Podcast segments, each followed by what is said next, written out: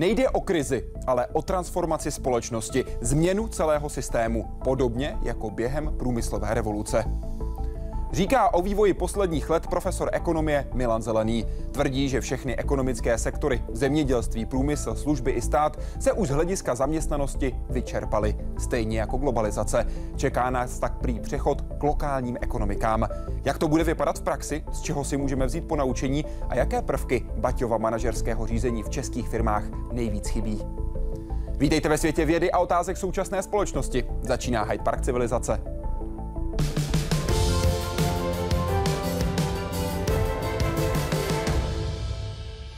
Pane profesore, vítejte, přeji vám hezký večer. Dobrý večer. Děkuji, že jste přijal pozvání do Hyde Parku Civilizace, že budete odpovídat našim divákům, kteří se mohou ptát dál www.hydeparkcivilizace.cz. Tam najdete všechny cesty pěkně pohromadě. Ptát se můžete profesora Milana Zeleného. Sám se vedle Čecha a Američana označuje i za New Yorkčana a Žižkováka, globálního profesora, systémového vědce, matematika a ekonoma. A také trémistu i suveréna, nostalgika i vizionáře, slávistu, tanečníka nebo vypravěče.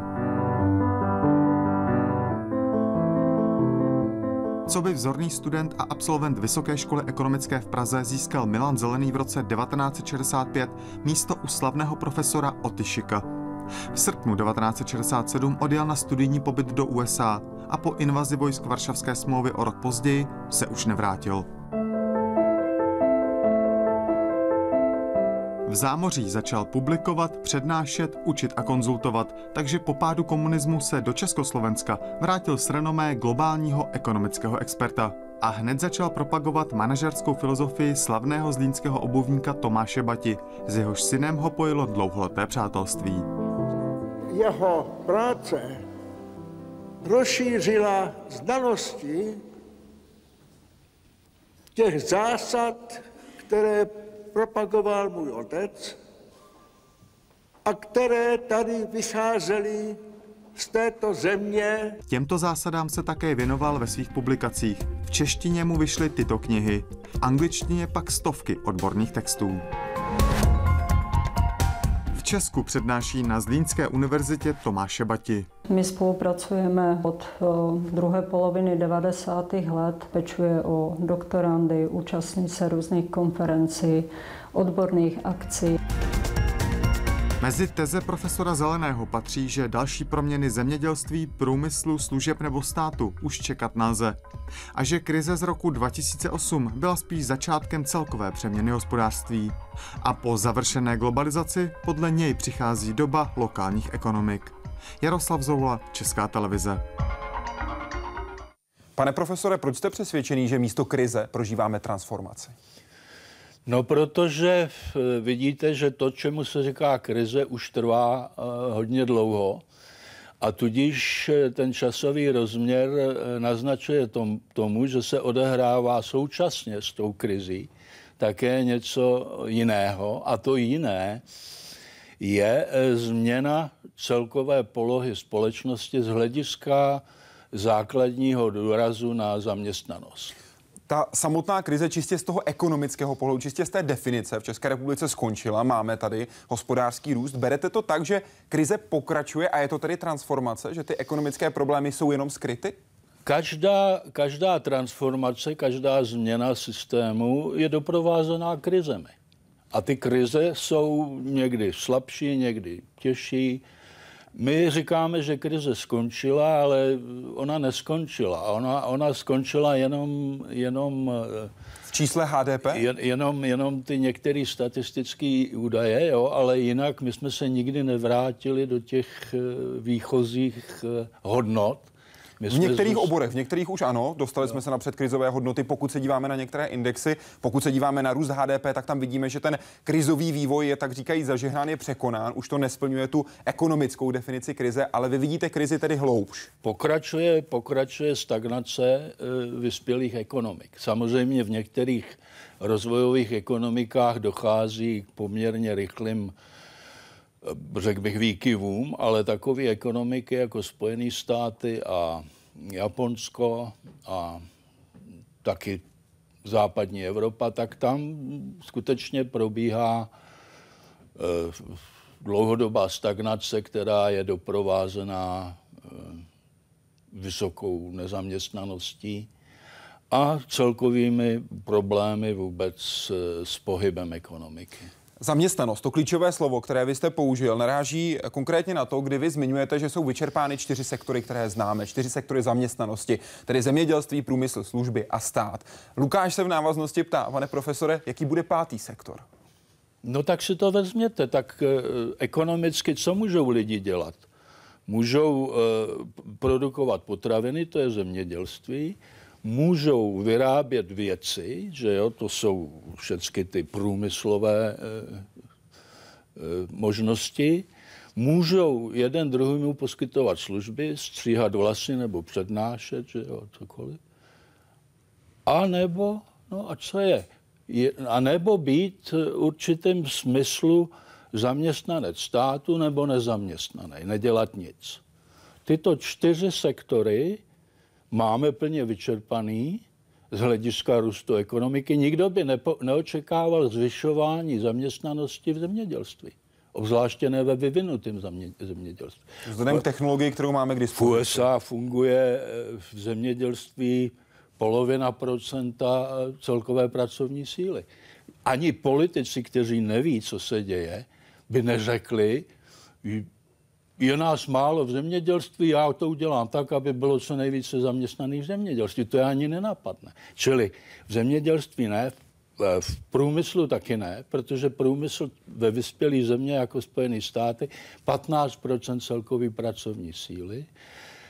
Služby ano, služby, ale služby už přešly přes svůj vrchol. Bývalo nás v USA 80%, dneska už je to 70% a proč se to klesá? Díky internetu a, a komunikacím a, a smart telefonům, že jo, a, a tak dále. Lidi si dělají celou řadu věcí sami. No tak a stát, stát se liší od všech ostatních sektorů, protože je závislý daňově Eh, na příjmech z těch ostatních sektorů. Čili odpověď podle mě je, žádný pátý sektor nebude, protože být nemůže, protože co jiného máme dělat, než jídlo, věci, služby a nic. Kam tedy lidé, kteří budou hledat zaměstnání, půjdou? Do jakého sektoru? No, proto mluvíme o transformaci.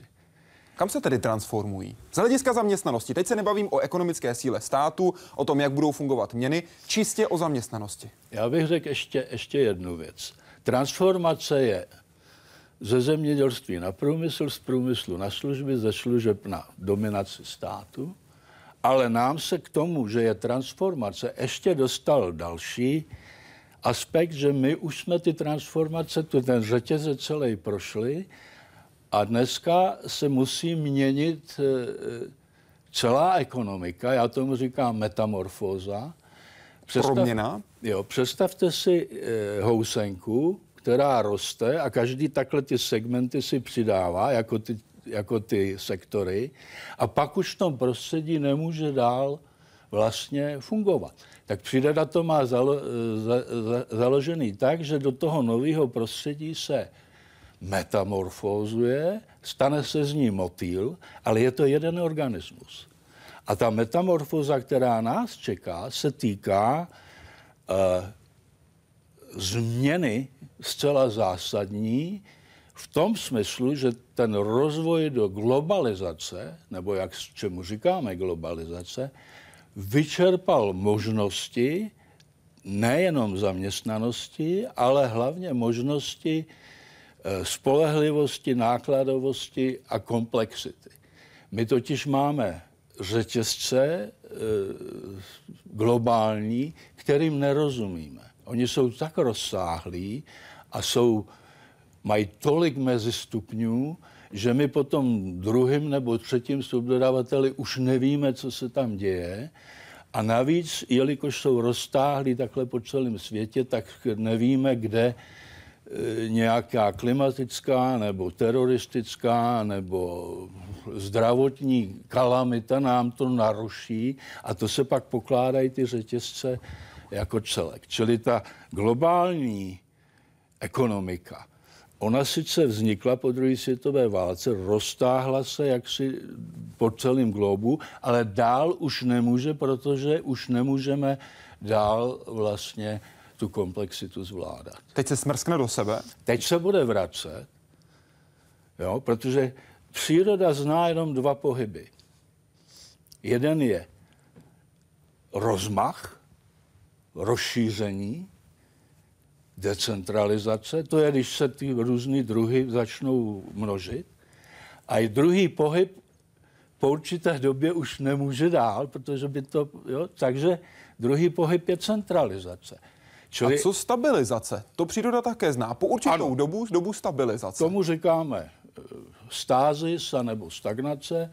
Jinými slovy, určitou dobu nedochází ani k centralizaci, ani k decentralizaci. Ale máme, ale ta stagnace, to je jenom čekání na ten přechod, to je jenom ta, to, to mezidobí. Mm-hmm. Ta stagnace jako v osobě e, může přetrvávat delší doby, to známe v přírodě taky, jenom ve chvíli, kdy ten organismus žije v, v prostředí, které se vyloženě nemění. Někde na, na na dně mořském žijou různé organismy a ty se třeba neměnějí biliony let. Že jo?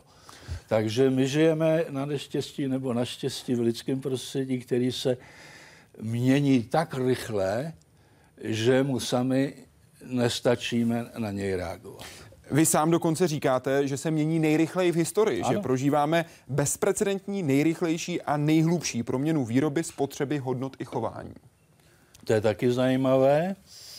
Uvědomte si, že my jsme vlastně jediný druh e, živý, který významně vytváří své vlastní prostředí. Jinými slovy, samozřejmě, ptáci si staví hnízda, bobři hráze a to jsou takové počátky. Ale co nám se stalo po vynálezu zemědělství, a žádný jiný živý tvor nevynalezl zemědělství. Co nám se stalo, že vynálezem v zemědělství my jsme najednou mohli se usadit na jednom místě a mohli jsme měnit prostředí na tom jednom místě.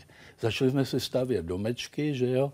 začali jsme stavět silnice, začali jsme stavět města, přišly první univerzity. To všechno je zá, záleží na tom, že se nepohybujeme že se uživíme na jo, místě. Že, se, že jsme na místě. Čili ta lokální, ten lokální systém byl posilovaný vynálezem zemědělství. A to je a... také ten směr, ve který vy věříte, že je budoucnost, když jsme se bavili o tom pátém sektoru, budoucnost lidské populace, tedy k lokálním ekonomikám. Ano. Jak by měly fungovat, jak by měly pracovat? Já bych jenom ještě dořekl ano. tu rychlost, Prosím. protože ta rychlost je důležitá. Důvod, proč se vyvíjíme a měníme tak rychle, je, že my si měníme svoje vlastní prostředí a potom naše děti se musí přizpůsobovat tomu novému prostředí. Jo? Čili já třeba jsem se narodil v prostředí, kde nebyla tekoucí voda, kde nebyla elektřina, kde komunikace byla, že šel bubeník po vesnici a zabubnoval a vytáhl lejstru a řekl na vědomost to dává. To je jeden život. A dneska podívejte se, jo, už eh, žiju v, v situaci, kdy říkají, počítače už nebudou, všecko bude v cloudu, že jo, a tak dále. Za jeden život to je úžasná akcelerace. A k té akceleraci dochází právě proto, že my vytváříme sami sobě prostředí, ke kterému se musíme adaptovat. A to je, to je jako důvod... by smyčka, která se neustále krmí a dneska už to prostředí je tak složitý, že v jedné rodině rodiče a děti, i když žijí ve stejném, já tomu říkám jeskyně, každý žije jiný život. To, ta, ta změna je tak rychlá, že rodiče nerozumějí všem těm komunikacím a, a, a, a sociálním sítím a všemu tomu. A ty děti se nemohou od těch rodičů učit jo, specificky nějaké věci. Prostě dneska už ta změna, jenom abych to ještě zdůraznil, je rychlejší než, eh, než předávání znalosti a zkušenosti z generace na generaci. To je také důvod, proč průmyslovou revolucí Spojené státy procházely mnohonásobně déle než například Čína. Protože no, už máme no, informace, a teď si představte, na jak dlouho Chápu to asi správně. bude trvat eh, v Africe anebo v Jižní Americe. Jo? Čína to dokázala za 25 let a dneska už přechází do těch služeb. Že? Lokální ekonomiky. Jak ano. budou v novém transformovaném světě fungovat? Ještě bych tedy řekl, že ten, ta globalizace dosahuje svého limitu, ale vychází z původně lokálních ekonomik. Jinými slovy, uh, my, my známe uh, mezinárodní obchod. To už je od Marka Póla.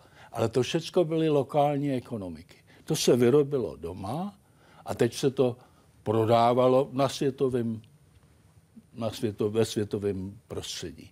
Globalizace je něco jiného. Globalizace je vlastně delokalizace. Přesun. Přesun z lokálního prostředí výrobního do cizího, ale za účelem, že si to zboží vrátí zpátky. Jo? Čili já vyrábím pro sebe, ale tam, kde to je nejlevnější a zase to, to je globalizace. Protože jinak bychom neměli důvod tomu říkat globalizace, protože mezinárodní obchod existuje od Marka Póla. Že jo? Čili tohleto, ta globalizace se začíná jaksi zastavovat a jsou na to čísla ukázat, že, že prostě více a více se nám buď to ta výroba vrací do, do, toho, loka, do toho lokálního systému, a nebo se prostě e, odpojuje a zůstává v tom zahraničním systému, čili ta firma, která je v Číně, jakmile začne vyrábět pro Čínu, tak už není globální firma a stane se lokální firmou, jenom vlastněnou někým jiným. To, co vy předpovídáte, je to, že se bude vyrábět na daném místě, dám příklad, v České republice pro Českou republiku. Tak, ve Spojených státech nebo pro v Africe státy. pro Afriku, nebo v Jižní Americe pro Jižní Ameriku. Jak velké budou ty lokální ekonomiky? Ty lokální ekonomiky budou tak velké, jak budou potřebné pro pokrytí potřeb a, a zájmu těch eh, lokálních komunit. Bude Česká republika dostatečně velkou komunitou, která bude mít vlastní lokální ekonomiku, nebo případně ne, já, bude součástí evropského o, bloku? Když mluvíme o lokálních ekonomikách, tak jdeme pod uh, úroveň národních států. Čili já bych mluvil spíš o regionech, spíš o městech a spíš o vesnicích. Ty, na, ty naplní všechny potřeby toho daného uskupení lidí? naplní většinu potřeb, protože dneska to ty technologie umožňují. To znamená, potřeby potravin budou první potřeby, že jo, potřeby nástrojů a strojů budou druhý potřeby a tak dále. Zase se to bude rozvíjet takhle podle těch potřeb. Jinými slovy, budeme mít lokální ekonomiku v jižních Čechách. Budeme mít České Budějovice, okolní oblasti, ať už to bude Tam Písek, budou Strakonice, Tábor. Farmy, ty ano. budou vyrábět eh, potraviny, eh, tam budou eh, třirozměrné tiskárny, které budou vytvářet, eh, vyrábět potřebné věci. A ty věci se budou prostě vyrábět lokálně pro lokální spotřebu. A co zůstane globální nebo celosvětový, budou právě ty digitální návody, recepty, softwary, které si budeme posílat po celém světě a budeme je vsouvat do těch našich laserových a těch e, třírozměrných tiskáren. A to, co lokální to ekonomika nevytvoří, kde to koupí? Ekonomiku? A kde to lokální ekonomika koupí, pokud to sama neumí vytvořit? Dám příklad, nevytiskne například nový model auta, který by tamnější lidé chtěli na 3D Co je nový model auta v této společnosti, kterou popisujeme? To je určitý digitální soubor. Nic jiného. Nemění to ale nic na tom, že je potřeba mít tu výrobní kapacitu na to, abychom ten digitální soubor převedli do reálného světa. Ta musíme lokální mít, ekonomika mít nejspíš mít, nebude. Jestliže mám tam eh, několik tisíc lidí, tak musím mít výrobní kapacitu eh, pro těch několik tisíc lidí. Tedy my bychom byli schopni vyrobit, dám příklad toho auta, protože to je praktické, každý ho potřebuje, alespoň většina národa. V jižních Čechách bychom byli schopni vyrobit auta stejně tak jako ve střední, stejně tak jako na Jižní Moravě, stejně tak jako na Severní Moravě. Chápu tak. vás správně. A ty auta, které bychom neuměli, tak ty si přeneseme v digitální potřebě a ta, ta nám prostě zaručí, že si vytiskneme třeba elektrický auto nebo, nebo menší auto, větší auto. Úplně jedno. Proč Přestaneme bylo... převážet fyzické výrobky po celém globu, budeme vytvářet eh, místní výrobní kapacity, které mají mnohem menší jaksi eh, potřebu ve smyslu velikosti a ve smyslu kapacit.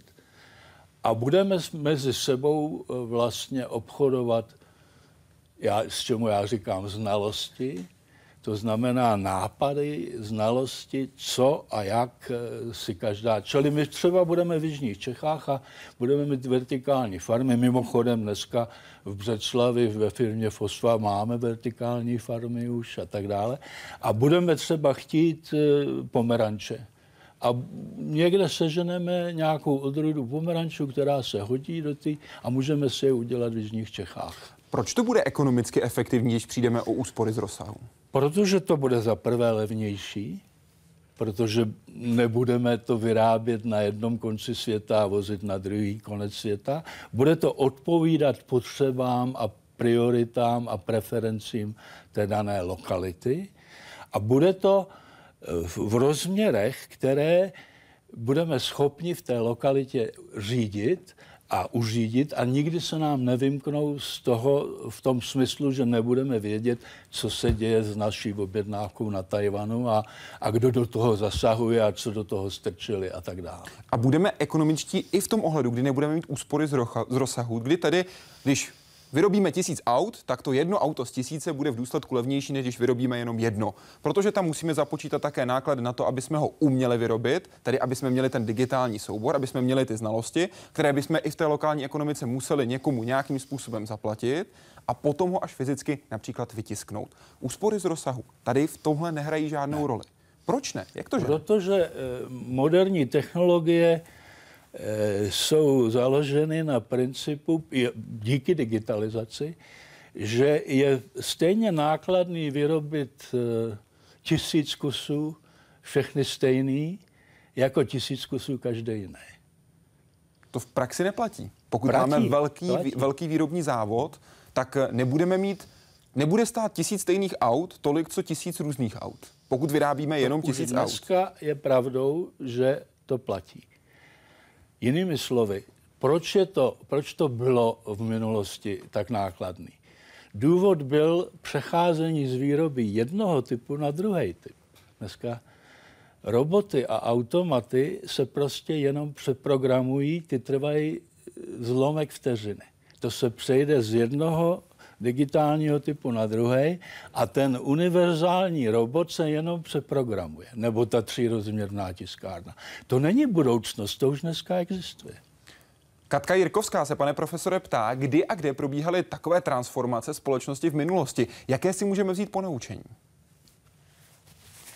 No transformace e, známe z historie a z knížek, že jo, ze zemědělství na průmysl z průmyslu na služby a to, e, ty probíhaly tak dlouho, že jsme je nevnímali a že prostě lidé, kteří v té době žili, tak jenom cítili, že je něco v nepořádku, že ztrácejí práci v zemědělství. Ještě bych tady řekl, ono je důležitý si uvědomit, že důvod třeba pro průmysl bylo zvýšení produktivity práce v zemědělství důvod pro průmysl nebyl vynález stroje. Vynález stroje odpovídal tomu, že zemědělství uvolňovalo lidi, kteří mohli ty stroje používat. Jo? Vy mimo jiné říkáte, že 30. léta takzvaná velká deprese, nebyla krize, nebyla depresí, ale byla transformací tak. jenom přerušenou druhou světovou tak. válkou, tedy z průmyslu do služeb. Ale druhá světová válka vyžadovala průmysl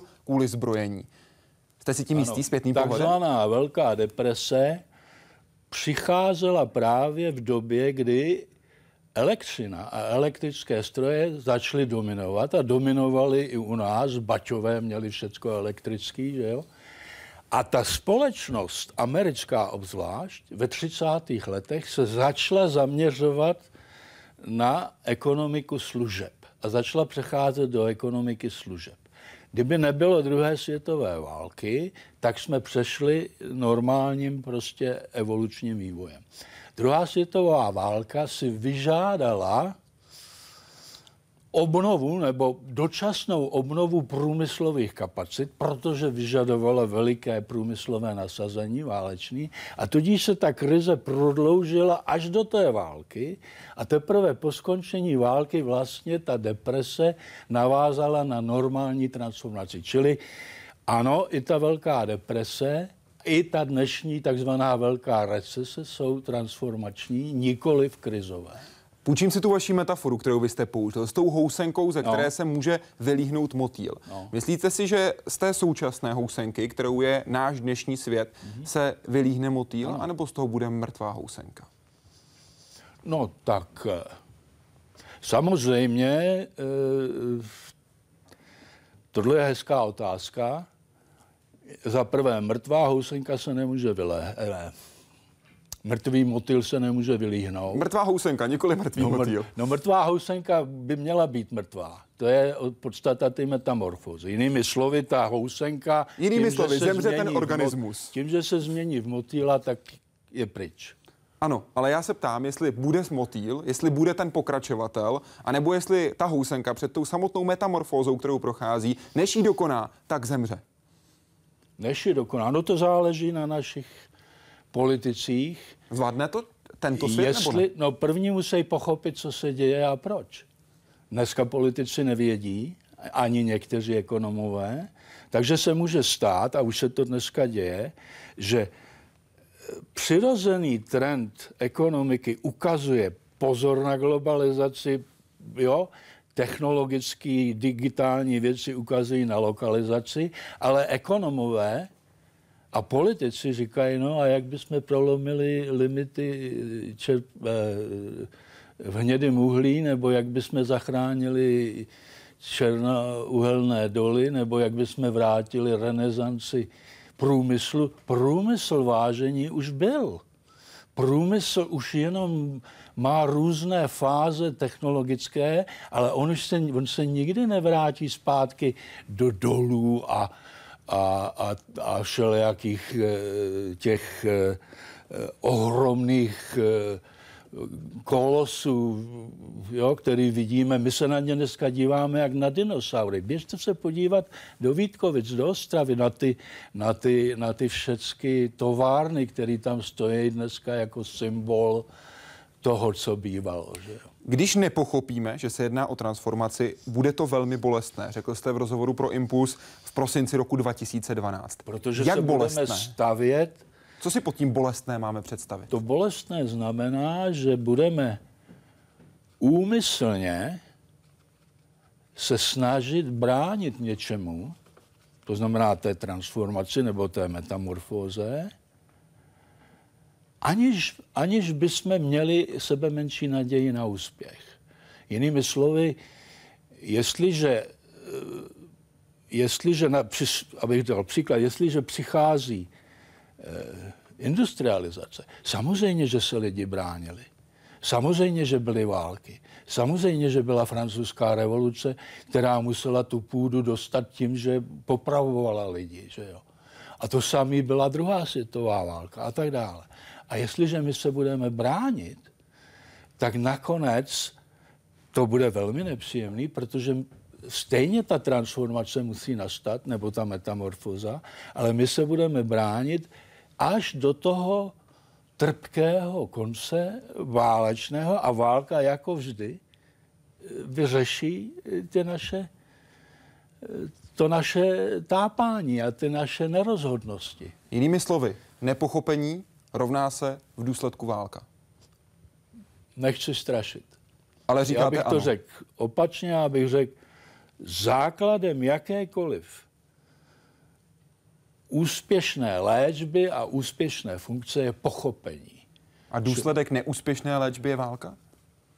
Důsledek špatné diagnózy, nepochopení může být i smrt. Že jo? To, to je z lékařského hlediska jasný. Čili my musíme mít my musíme pochopit, co se děje. Jestliže e, nastává transformace, jestliže nastává, tak naším cílem potom je se tomu přizpůsobit, pochopit to a pak samozřejmě ty, ty možnosti jsou neomezený.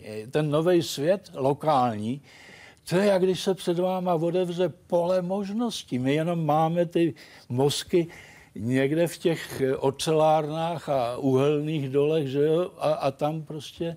A my, když to budeme bránit, tak samozřejmě narazíme na přírodu a ty doby, že jsme zpívali Poručíme větru dešti, ty už jsou pryč.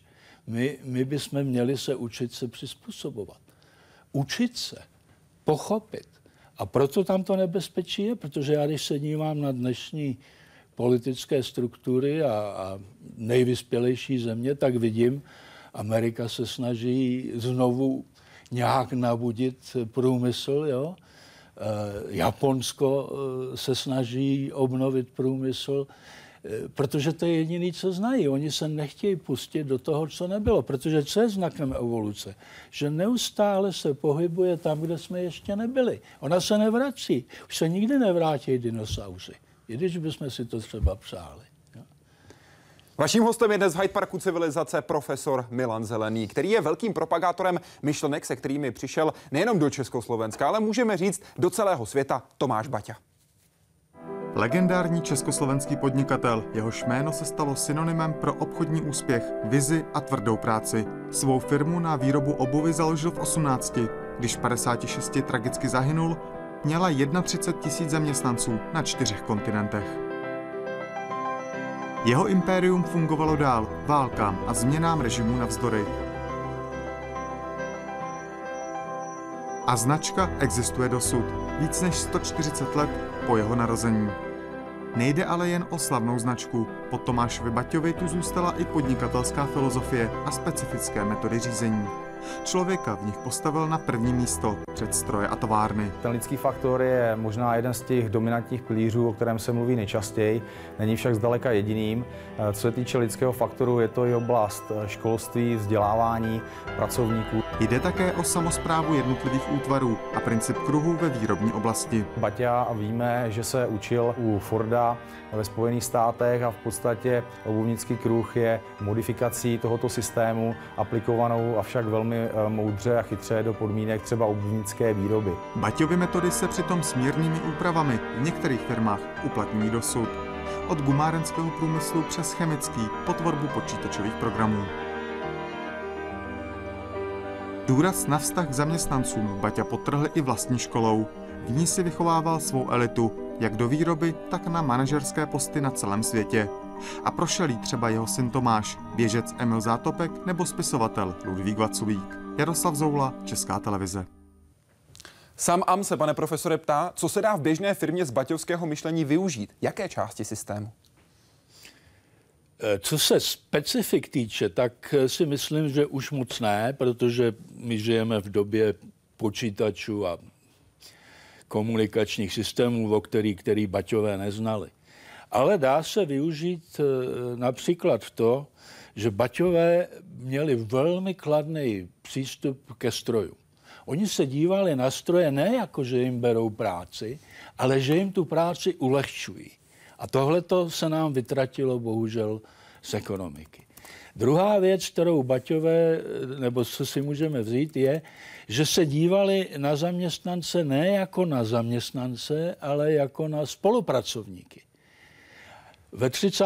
letech, 36. slavili 1. máj jako svátek spolupráce. Ne svátek práce, svátek spolupráce. Spolupráce podle mě je to nejdůležitější, co si můžeme vzít. A chtěl bych tady říct eh, na evropském kontinentu, spolupráce je něco úplně jiného než solidarita. Baťové neprosazovali solidaritu, ale spolupráci. Spolupráce znamená, že lidé, kteří spolupracují, obě strany mají přínos, mají výhodu. Jinak bych nespolupracoval. Jinak bych musel být solidární. Jestliže jsem solidární, tak dělám i něco, co nechci, co pro mě není dobrý.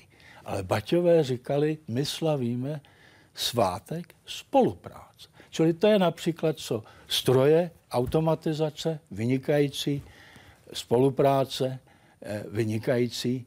A tím, že jsou spolupracovníci, tak podíl na eh, výnosech, podíl na přidané hodnotě Každý dělník kapitalistou, tak, to bylo každý to heslo dělník Tomáše kapitalistou, každý dělník prostě strujcem svého štěstí, jak by se dalo říct, každý tým vlastně podnikatelská jednotka uvnitř celkové sítě.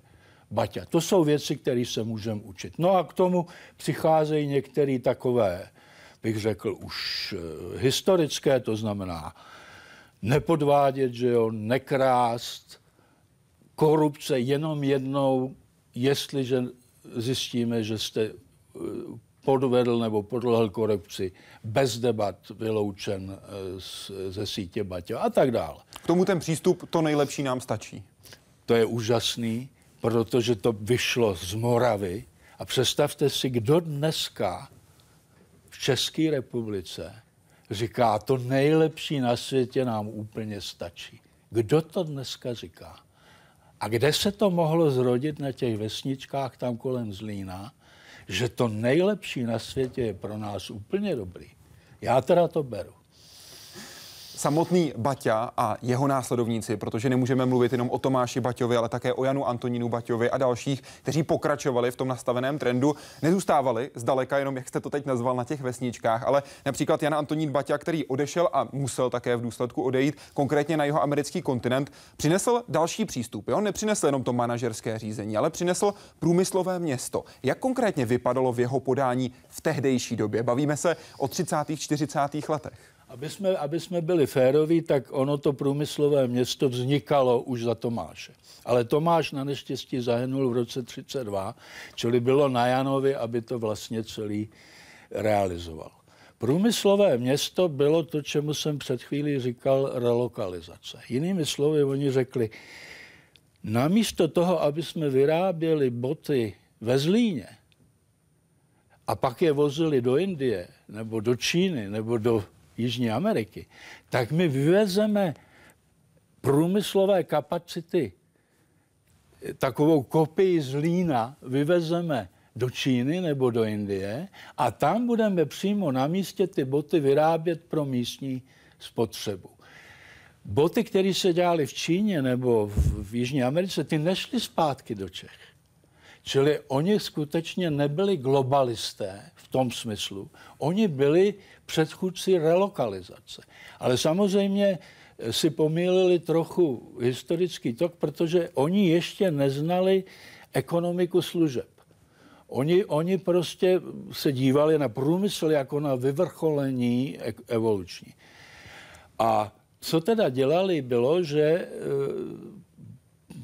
založili po světě v době největší deprese, kdy všechny ostatní ekonomické systémy a podniky kolabovaly, tak Baťové skvétaly, protože ty, ty výrobní procesy přiváděly, když se někomu nelíbí eh, výraz relokalizace, tak stačí říct, co nejblíže k zákazníkovi. Prostě, jo, prostředí toho zákazníka uděláme výrobu. A to znamená, že oni, když chtěli vyrábět boty, řekněme, v Mato Grosso v Brazílii, tak tam potřebovali taky ubytování, že jo, zdravotnictví, sport a už vzniklo městečko a to je to, o čem mluvím. To je ta relokalizace a to nebyly pochybnosti, že se neuživí to městečko. Naopak, uživilo i další městečko a začaly se městečka propojovat do sítí a navzájem si vyměňovali to, co jim chybělo nebo co neměli. Že jo? Jan Antonín konkrétně založil hned čtyři města, Batajpora, Bataugasu, Batatabu a také Mariapolis. Mm-hmm. Tomu možná asi nejznámější je dvou a půl kilometrový most přes uh, řeku Paraná, mm-hmm. který je, bych řekl, i v České republice poměrně dost známý. Jak oni dnes z vaší znalosti vzpomínají na Jana Antonína Baťu a vůbec rodinu my jsme tam, My jsme tam teď ze Z Foundation jsme byli uh, v létě, ano. minulý léto, a byli jsme všichni unesení. Představte si, asi 40 let od jeho smrti už, že jo, my jsme byli úplně unesený.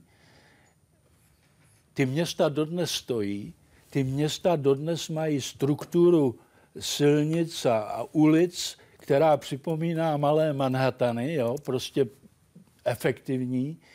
Tam dodnes žijí lidé, kteří užívají sportovní a ubytovací zařízení a tak dále. Ne všude se vyrábějí boty, všude, někde jsou jiné výroby, že jo, přece jenom ten, eh, ten svět se mění a ta doba nečeká. Ale je to úžasný to vidět, obzvláště pro českého podnikatele, když přijde a uvědomí si, že prostě to, co jsme kdysi vyváželi jako Čechy a Morava, tak bylo, my jsme vyváželi celé komplexy výrobní, celá města, tak, aby jsme se dostali k tomu zákazníkovi co nejblíže s tou výrobou samotnou. To je bezprecedentní, to žádná jiná ekonomika ve světě nezná, nikdy to neměla. My máme vůbec zvláštní věci v Česku, eh, které jsou bezprecedentní. My jsme, to nejsou jenom Baťovele, co jsou i Komenský a Čapek z roboty, že jo, a to, my jsme, my jsme úžasná země. Lidi si myslí, že já jsem, skep... já jsem skeptický jenom po tom, co se stalo po druhé světové válce.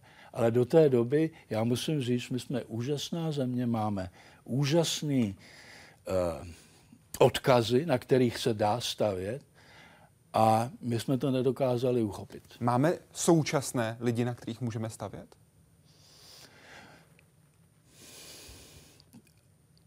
Máme. Ale není to kritická masa. Jinými slovy, tady je potřeba taky kritická masa. To, čemu říká metamorfóza, je zvláštní věc, protože ta lokalizace taky znamená, že eh, se sníží počet pracovních příležitostí v takových těch tradičních, čemu říkáme zaměstnání. To znamená, že lidi se budou muset začít učit podnikat. Já tomu říkám masivní podnikatelství. Ne podnikatelství Jobse a, a Gatese, o pár lidí někde v garážích. Masivní. To znamená vzdělávat za účelem podnikatelství, protože takový podnikatel, on nemusí být každý Gates nebo Jobs. Podnikatel, který uživí sám sebe, anebo svoji rodinu, je úžasným přispěním k té lokální společnosti. Čili my potřebujeme podnikatelské univerzity, kde by se lidé učili podnikat. Mimochodem, výraz podnikatelská univerzita pochází od Jana Bati. Ano. On říkal, co potřebuje tato, tato, tento kontinent, Evropa a tato země je podnikatelská univerzita. Samozřejmě uh, už to nemohl dokončit, jo? ale co je podnikatelská univerzita? No, že se učíte podnikat tím, že podnikáte. Prakticky, nikoli teoreticky. No, řekněte, že byste chtěli jít eh, do nějaké kuchařské školy. Představte si, že byste eh, se tam učili jenom číst kuchařské a biflovat je. To si neumí nikdo představit. Kuchařská škola musíte vařit. Podnikat je znalost, to je akce. Čili my nemáme vlastně jedinou podnikatelskou univerzitu, protože kdekoliv se učíme podnikat, tak vlastně to znamená, že si čteme nějaké knížky o podnikání. To podnikání na lokální úrovni, co popisujete, to jsou živnostníci. To jsou osoby samostatně výdělečně činné. Živos, živnostník je součást podnikatelství, že jo, ale živnostnictví u nás se stalo takový, že je, je trošku méně ambiciozní, než je podnikatel. Podnikatel chce opravdu měnit svět a sloužit, když to ten živnostník si říká, když si udržím rodinu a to, tak jsem fajn. Ale je to součást. Od toho je slovo živnostník, že jo, zajišťování života, že jo. Vy jste v lednu letošního roku pro Lidové noviny řekl, že svět se zglajšalchtoval. Říkám tomu intelektuální monokultura. Na mhm. celém světě se na školách a univerzitách učí to tež a ze stejných zdrojů. Dodáváte, nesmíme být otroky jediného způsobu myšlení a jednání. To je současný svět, který myslí je, jako jeden jediný celek tak, jedním jediným způsobem? To je to neštěstí, který se stalo. Já když jsem byl ve vašem věku, tak jsem jezdil po světě a v Japonsku jsem se učil věci jak se dělají v Japonsku, že jo, v Číně se dělalo všecko jinak, v Německu se dělalo všecko jinak, v USA všecko jinak.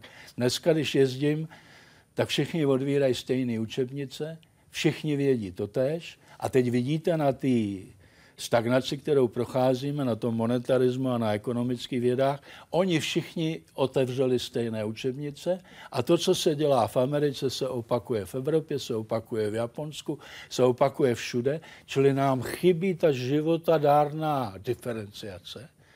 To je to, na čem příroda tyje. Příroda tyje na tom, že jsou různé druhy, které mezi sebou spolupracují. A namísto toho máme nepřehledná pole žlutě kvetoucí řepky. Jo? To je ta naše intelektuální vybavenost. Když pak se něco stane, tak každá monokultura lehne popelem. Obzvláště intelektuální monokultura. Jestliže přijde něco, co jsme nikdy neprožili a nezažili, kam se obrátíte? Co má za cenu gleichschaltovat, to je ten výraz, který jsem si na to zvolil, vzdělání na univerzitách tak, aby bylo všude stejné, aby bylo srovnatelné. Proč by nemohla některá škola učit, řekněme, eh,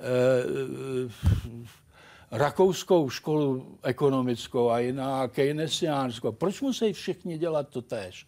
Proč nemůžeme odměňovat diferenciaci? Protože diferenciace je základem života.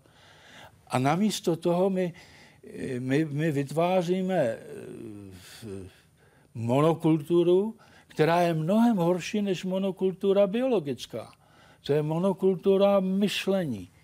My potřebujeme pro každou vesnici, pro každou lokalitu, pro každý region, my potřebujeme individuální myšlení, originální myšlení a namísto toho všechno takhle, eh, takhle srovnáme. My dneska neumíme ani odlišit eh, originalitu od, eh, od plagiátu, že to prostě nemáme ve svém vybavení, nám se to všechno zlívá v jedno. Já jsem napsal knihu Hledání vlastní cesty, protože říkám, každý z nás by si měl hledat a prorážet ten svůj způsob, tu svoji cestu, protože tím obohacuju lidstvo. Tím, že najdu nový způsob, nový přístup. Ale jestliže někde něco opíšu, nebo jestliže mi Evropská unie řekne, jsou nejlepší, jak říkají, best praktici, nejlepší praktiky, a já to jenom opajcuju, tak jsem neobohatil lidstvo. Já jenom jsem ho skopíroval. Že? To, kde jste se učil vy, vy osobně, vaším učitelem byl mimo jiné Milton Friedman, muž, který byl vždycky zastáncem liberální ekonomie, principu laissez-faire, tedy minimálních zásahů do, do fungování ekonomiky ze strany státu, významný monetarista také. Ano. Souhlasil jste s ním tehdy, když jste byl studentem? Já jsem s ním souhlasil, eh, když jsem začal se učit chápat eh, svobodný trh, protože on začínal jako mikroekonom. Ano. On byl úžasný ale když přišel s tou monetaristickou teorií, tak jako student musím říct, že jsem se zarazil. Protože jsem říkal, jak, jak můžete chtít tím, že budete manipulovat množství peněz po běživu, nějakým způsobem usměrňovat chování ekonomických systémů. Čili tam už jsem přestal a pak jsem se znechutil dost silně, protože na univerzitě v Rochesteru, kde teda Friedmana obdivovali, tak jsem dělal zkoušky a tam to bylo e, podobný tomu, na co jsem byl zvyklý z vysoké školy ekonomické, že tedy řekli na, na straně T a T Milton Friedman říká to a to a co vy si o tom myslíte? Já jsem zapomněl stranu tu a to, že jo, prostě jsem nebifloval, ale takhle jsme se učili vědecký komunismus. Čili já jsem potom byl zaujatý a ani ne zaujatý proti Friedmanovi, jako jsem nikdy dodnes jsem nepochopil, proč zastánce svobodného trhu přijde s maximální intervencí státu do chování svobodného trhu. To jsem nepochopil. Vám je daleko blížší von Hayek? Von Hayek je mě mnohem blížší, protože ten, ten respektoval ekonomický systém a nechtěl intervenovat. On ho chtěl pochopit. A to se mně moc líbilo a měl jsem takový štěstí v životě, že jsem se s ním setkal a dokonce jsem mu vyprávěl některé věci, které tehdy byly nové, ohledně sebeprodukce e, živých systémů. Takže ano, ten mě byl a tím, že už neměl čas na, nasekat nějaké chyby jako Friedman, tak mě do dneska zůstává jakýmsi teoretickým vzorem. Pojďme se podívat na ryze praktické eh, věci, které se týkají České republiky. Jaké je podle vás dnes nejslabší místo české ekonomiky? Jaký odhadujete její vývoj v letošním a příštím roce? Ptá se Jiří Nejslabší místo dle mě je, je, že jsme eh, podnikatelské funkce, nebo ještě bych to rozšířil, podnikatelské a vlastnické funkce jsme poměrně snadno předali do cizích rukou. Teď myslíte zahraniční kapitál? Ano. No, ale on to není jenom kapitál, to jsou vlastnické funkce. Myslím tu zahraniční strukturu, která vlastní Jinými slovy, my jsme se sami dostali, sami sebe dostali do pozice eh, námezních zaměstnanců, že jo? A to je dneska slabý místo, protože se blíží, nebo už vstupujeme do typu ekonomiky, která bude vyžadovat eh, právě to, aby jsme byli vlastníci, to znamená, aby jsme vykonávali vlastnické funkce, strategické funkce, učili se rozhodovat, učili se poznávat trhy a aby jsme také se stali podnikateli. Podívejte se, když dělají průzkum čínských studentů, každý druhý čínský student chce být podnikatel. Když dělají průzkum českých studentů, téměř nikdo nechce být podnikatel. Všichni chtějí být zaměstnáni ještě nejhůř na tom někde ve státním aparátu. To je ta tragédie. Včera vydal Český statistický úřad informace, které se týkají zaměstnanosti, potažmo nezaměstnanosti. Nezaměstnanost v březnu letošního roku 4,1% meziroční snížení o 1,6 procentního bodu. Zaměstnanost eh, velmi vysoká, pokud jde o srovnání s těmi minulými lety, 71,6% Poprvé přes 5 milionů lidí je uh, zaregistrováno jako zaměstnaných v tom systému. Půjde to takto dál? Já myslím, že ano protože něco podobného se odehrává ve Spojených státech. Spojené státy jsou už osmý rok v té stagnaci, že jo? ale nezaměstnanost klesla na 4,8 procenta. Jinými slovy, nezaměstnanost, jestliže trvá ta deprese eh, příliš dlouho, 8 let je hodně dlouho, nutně musí klesat protože lidé eh, mohou pobírat podporu v nezaměstnanosti a dostat tudíž odlišení a status nezaměstnaného pouze po určitou dobu. Proto zmiňuji tu zaměstnanost. Tak. Jako kritérium, které nám ukazuje no, tu situaci lépe než nezaměstnanost. Zaměstnanost není opakem toho. Opakem Přesně toho tak.